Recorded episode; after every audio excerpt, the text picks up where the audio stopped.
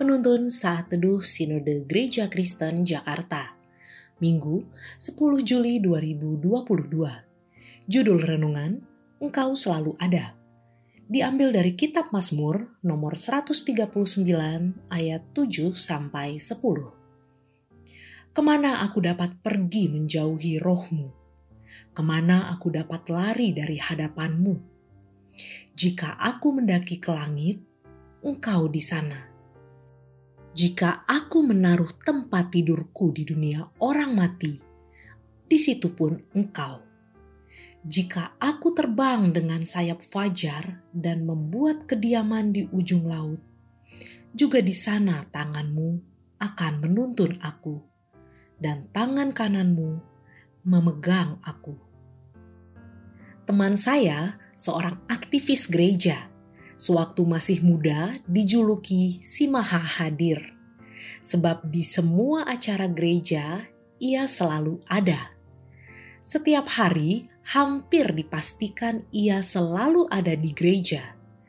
Semua kegiatan gereja selalu diikutinya.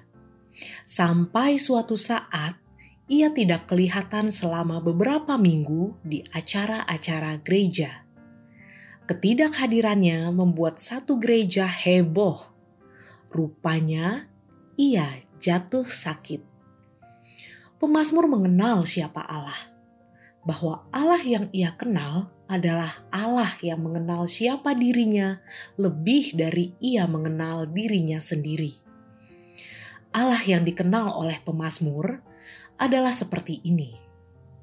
Pertama, ia adalah Allah yang maha hadir. Pemasmur menuliskan ke mana aku dapat pergi menjauhi rohmu, ke mana aku dapat lari dari hadapanmu. Jika aku mendaki ke langit, engkau di sana. Jika aku menaruh tempat tidurku di dunia orang mati, di situ pun engkau.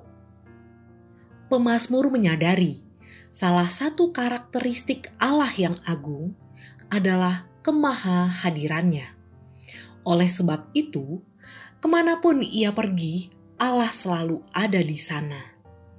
Maka ia tidak dapat menjauh dari hadapan Allah. Kemaha hadiran Allah ini membawa implikasi dalam hidupnya. Ia sadar Allah mengetahui apa pun yang dipikirkan dan diperbuatnya oleh sebab itu, ia harus menjaga hidupnya selalu benar.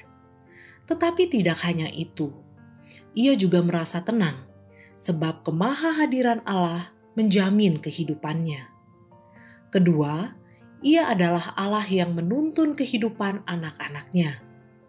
Pemasmur berkata, "Juga di sana tanganmu akan menuntun aku, dan tangan kananmu memegang aku." Di dalam kehadirannya, ia menyertai kehidupan pemazmur. Ada saat di mana seseorang merasa sendirian di dalam kehidupannya. Ia merasa bahwa Allah tidak memedulikannya. Allah tidak hadir di dalam persoalan hidupnya.